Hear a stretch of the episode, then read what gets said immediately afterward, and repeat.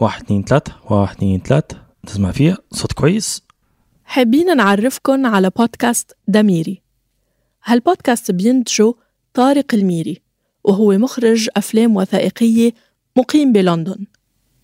البرنامج حواري وبكل حلقة بيستضيف طارق شخص مختلف وبيستمع لتجاربه وخبراته. بيدخل بمواضيع حميمية وبيتناولها بصراحة. بيتساءل مثلا عن مفهوم الهوية وعن هالة الأمومة المقدسة والتعبير عن الذات وأحيانا بحلل الوضع بليبيا. One word. صعبة واللي كان يعذب فيا كنت نعرف علاش إنه هو يدير فيه الموضوع هذا. يعني بجد يعني انتل ناو ما عنديش أي مشكلة معاهم. حاجة غريبة اللي صارت في ليبيا. ما واحد طلع من اليوفوريا بتاعت الثورة ويسحب ان ليبيا بتقعد مش سويسرا بتقعد السويد يعني. المشكلة أعمق مما كنا نتصور. بتقدروا تسمعوا دميري على أي تطبيق بودكاست بتفضلوه. شكرا جزيلا يعني على وقتك وأفكارك وأعطيتنا فرصة أن الجمهور يتعرف عليك. مرحبا أنا رنا داوود وهيدا بودكاست دمتك.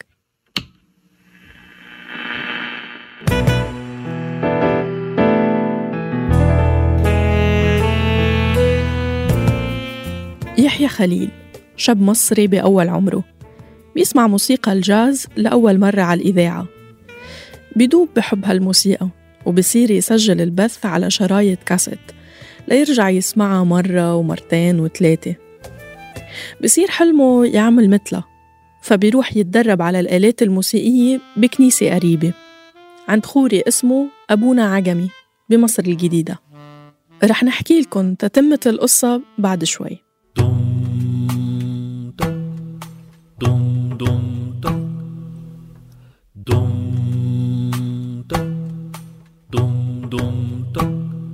لما بدا يتثنى مرحبا فيكم بالحلقة السادسة من الموسم الثاني لبودكاست دمتك. أنا رنا داوود. بهالموسم منستعرض أنواع موسيقى مثل المهرجانات والروك والراب ومنروي قصص عن وجودها بالوطن العربي. وعن الفنانين اللي تبنوها من منطقتنا. بهاي الحلقة رح نحكي عن موسيقى الجاز.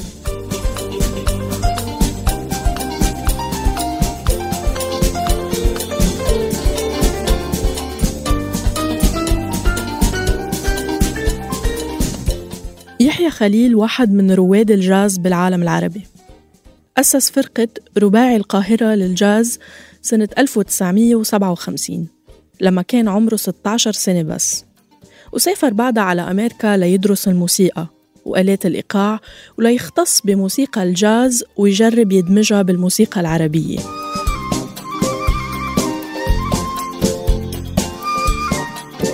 شارك بأعمال كتيرة مع فنانين بأمريكا وأوروبا ورجع على مصر سنة الثمانين وتعرف بوقتها على محمد منير الكينج النوبي.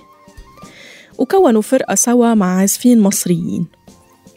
من الألبومات اللي اشتغلوا عليها سوا ألبوم شبابيك اللي بروفات أغانيه كانت بالكنيسة ذاتها عند أبونا عجمي.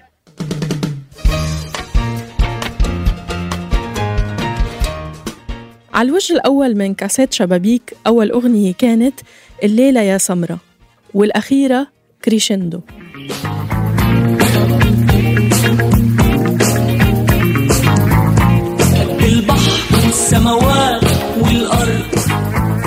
كل ما صحفي يجرب يكتب عن علاقة يحيى خليل بمحمد منير وخلافهم بعد سنين من العمل سوا بيوقف عند سؤال مين اللي كان سبب نجاح التاني؟ الأكيد إنه التنين سوا كانوا خلطة سحرية جددت بالموسيقى المصرية وخلتها أقرب لجيل الشباب بالثمانينيات بعيداً عن تكرار آلام اللوعة والهجران والانتقام زماني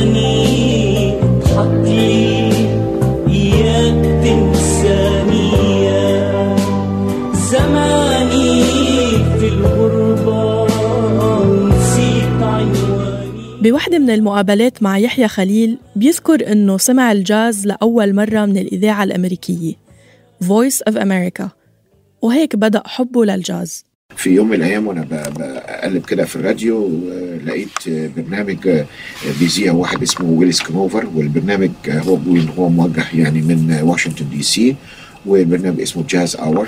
ولقيتهم بيذيعوا حاجات مختلفة خالص عن الأغاني اللي أنا بسمعها في البرنامج الأوروبي. هاي الإذاعة هي طرف خيط بيقدر يفهمنا كيف وصل الجاز من نيو أورلينز بأمريكا للقاهرة.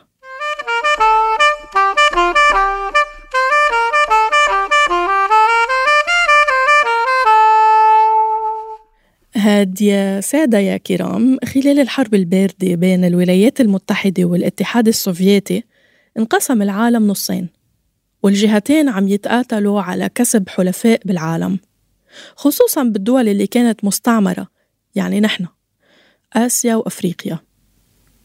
كان وقتها في إذاعة بتبث البروباغندا الأمريكية لدول العالم واللي هي ذاتها Voice of America. وعليها بينبث برنامج اسمه ساعة جاز Jazz Hour. This is the voice of America broadcasting in English. بيوصل رسائل للإذاعة الأمريكية من الجمهور بالدول التانية بيقولوا إنه كتير حبوا هالنوع من الموسيقى. فهالتفصيل بيعطي الحكومة الأمريكية فكرة إنه ليه ما منستخدم الجاز كطريقة لكسب ود هالشعوب ونفرجيهم قديش نحن ديمقراطيين. الجاز بالتحديد مش بس مشان الجمهور حابه بس لأنه كانوا أغلب موسيقيي الجاز سود وبهديك الفترة كانت أمريكا عم بتحاول تغطي على عنصريتها ضد السود خصوصا أنه صارت الأخبار تطلع للعالم وما عاد شي يتخبى من جرائم العنصرية فشو بتقرر الحكومة الأمريكية تعمل لتحسن صورتها بالعالم؟ إنه تنظم جولات لفناني الجاز بالعالم تحت مسمى سفراء الجاز. وسفراء الجاز بيصيروا سلاح فعال بالحرب الباردة. We're going to shift the emphasis to jazz, then send these artists over where they can reach the masses of the people of Asia and Africa. من هالسفراء لويس أرمسترونغ واحد من أيقونات الجاز بالعالم. لقينا له صورة من الستينيات بالقاهرة. بيكون ماسك فيها هالترومبات قدام الأهرامات. وزوجته قاعدة جنب أبو الهول عم تتسمع على الموسيقى. What a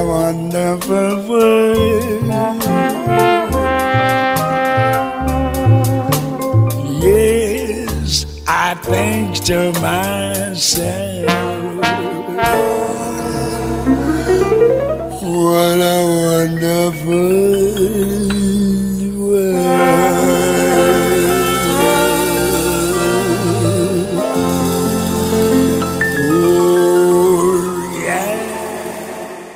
كان لأرمسترونغ أكتر من زيارة لمصر بالوحدة وستين في رواية بتحكي إنه أرمسترونغ وقف قدام عشرين مراسل ليعمل مقابلة صحفية قام بيسألوا صحفي منهم هل تدعم الصهيونية؟ قال لهم أرمسترونغ شو هاي يابا؟ What is that daddy؟ المهم ما فهم السؤال وتركهم بحيرتهم وراح كانت الصحف المصرية عم تتداول أقاويل إنه أرمسترونغ زعيم شبكة جاسوسية إسرائيلية.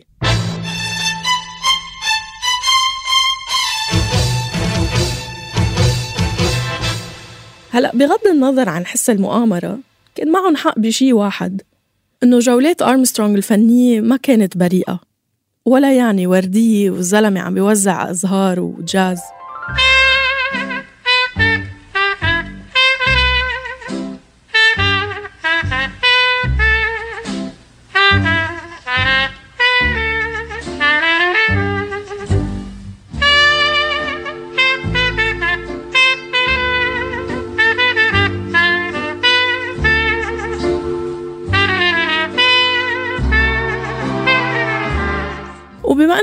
متفقين إنه الحياة مش وردية ونحن هون لنحكي عن الجاز العربي.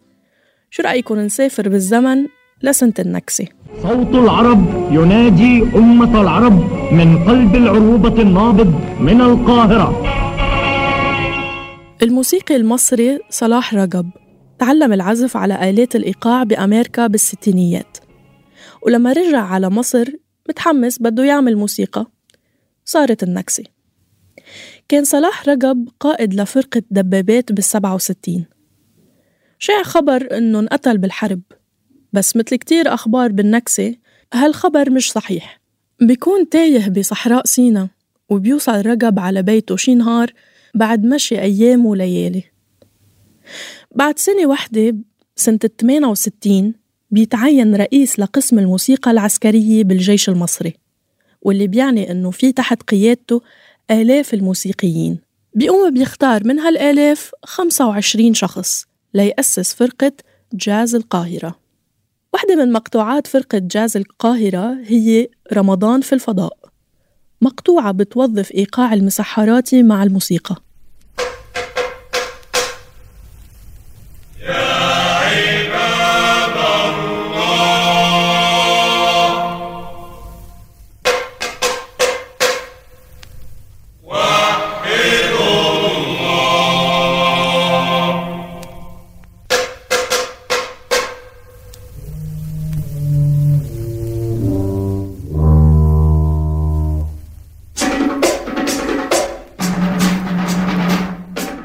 وبعد حرب العاشر من رمضان حرب أكتوبر ب 73 تفككت فرقة جاز القاهرة وتقاعد صلاح رقب من الجيش المصري.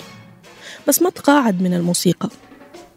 كان رقب جزء من جولات وأعمال موسيقية مع فرقة صن رع اللي أسسها المؤلف الموسيقي الأمريكي والفيلسوف صن رع اللي كان من أهم موسيقيي الجاز بالتاريخ. هاي مقطوعة أهداها صلاح رقب لصنرع سنة 2006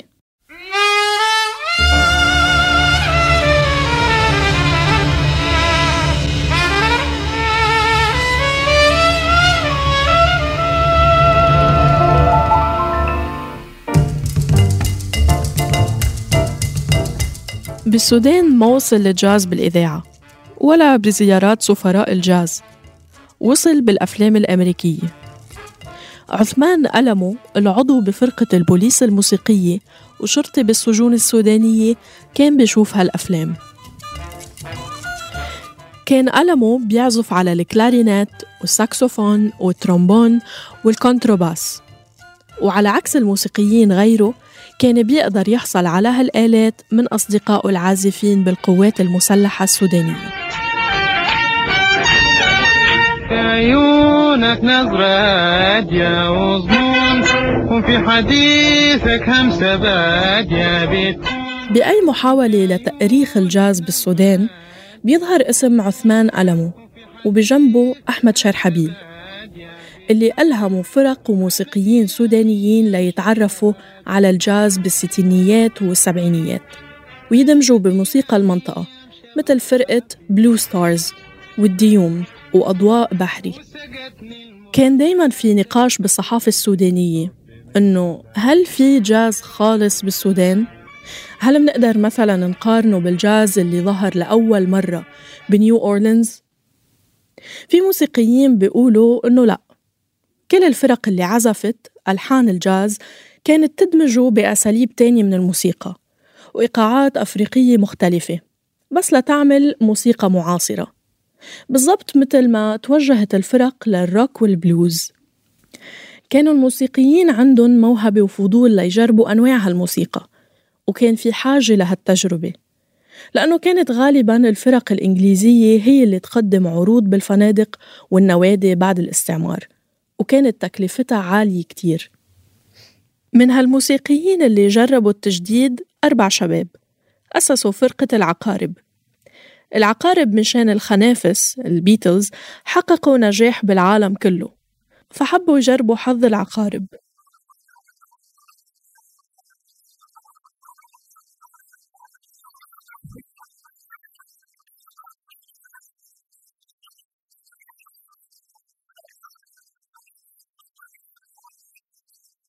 فرقة العقارب تأسست سنة ال 61 وقت اللي كانت الناس بالسودان تروح تشوف التلفزيون أبيض وأسود بالحدائق العامة ويكون في عسكري عم يحرسوا. قبل ما يقدروا الناس يشتروا تلفزيونات لبيوتهم.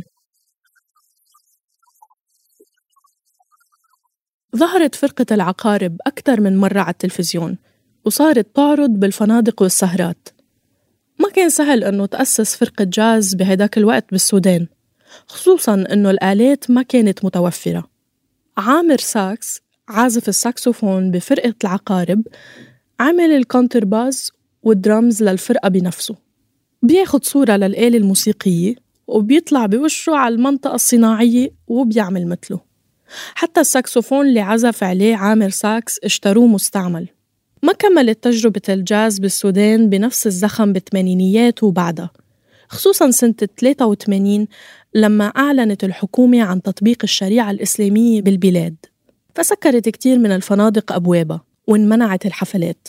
بيقول الفنان السوداني صلاح براون إنه هالشي أثر على الفرق الموسيقية. فبعض الموسيقيين هاجروا أو انضموا للإذاعة وبعضهم الآخر حول اتجاهه لنوع موسيقي تاني.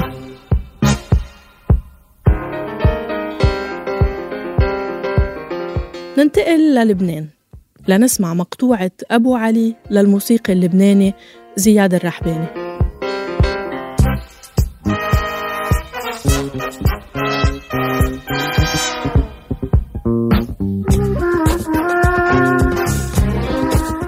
زياد الرحباني واحد من الموسيقيين اللي قدروا يوصلوا موسيقى الجاز لجمهور كبير. عبر مقطوعاته ومسرحياته وأعماله مع الفنانة فيروز اللي كمان بتكون والدته. فيكن تسمعوا أكثر عن فيروز والرحابنة بحلقة من الموسم الأول لبودكاست دمتك اسمها حرب فيروز الأهلية. المهم من المسرحيات اللي اشتغلها زياد الرحباني؟ بالنسبة لبكرة شو؟ إن شاء الله الخير الخير لقدام طب لك؟ شو؟ هلا بالنسبة لبكرة شو؟ بكرة الصحب. ما هو الضحك. لوين الله؟ على البيت عوان عبات مين لا لا؟ تفضل. أيوه تغندر أيوه. عمالك عمالك. خير بهالمسرحية اللي عرضت لأول مرة سنة 1978 كان توفيق فروخ بيشتغل مع زياد كعازف ساكسوفون. وكمان سجل معه مقطوعة أبو علي اللي سمعنا جزء منها.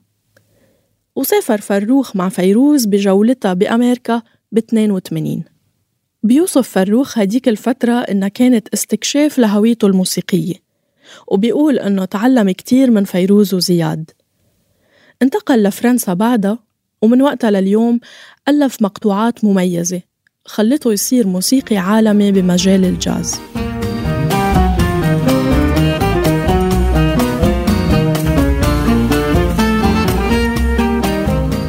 بإحدى المقابلات سألت المذيعة فروخ إذا هو عم بحافظ على الطابع الشرقي بالجاز. يعني إنه حضرتك حافظت على الروح الشرقية بإطار الجاز يلي هو.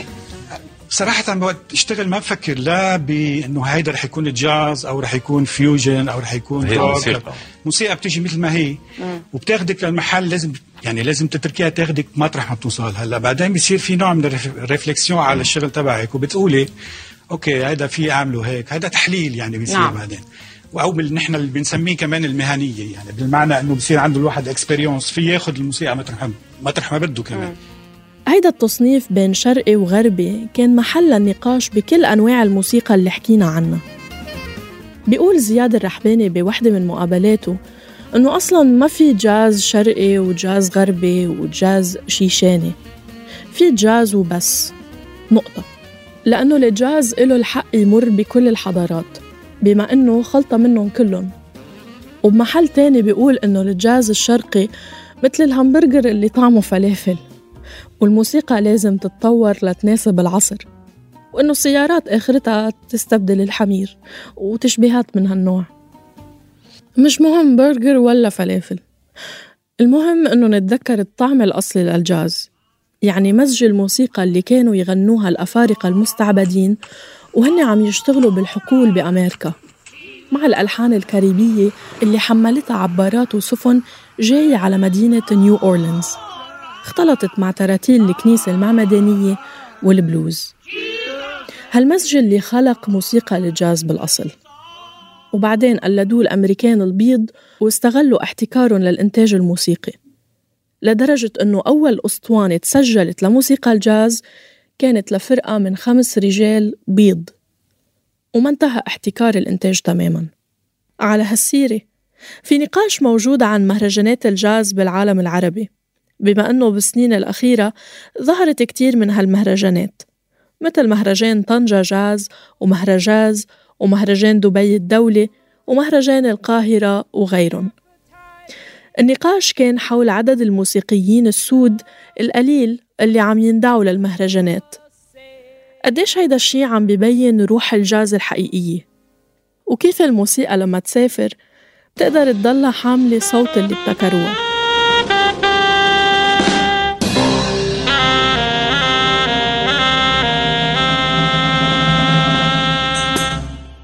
هالحلقة بحثا وكتابة للما رباح تحرير وإنتاج صبرين طه إخراج صوتي لتيسير قباني ورويت لكم إياها أنا رنا داوود النشر والتوزيع تولته مرام النبالي وجنى قزاز وشارك بإنتاج هالموسم فريق صوت Keep a moving with that plow.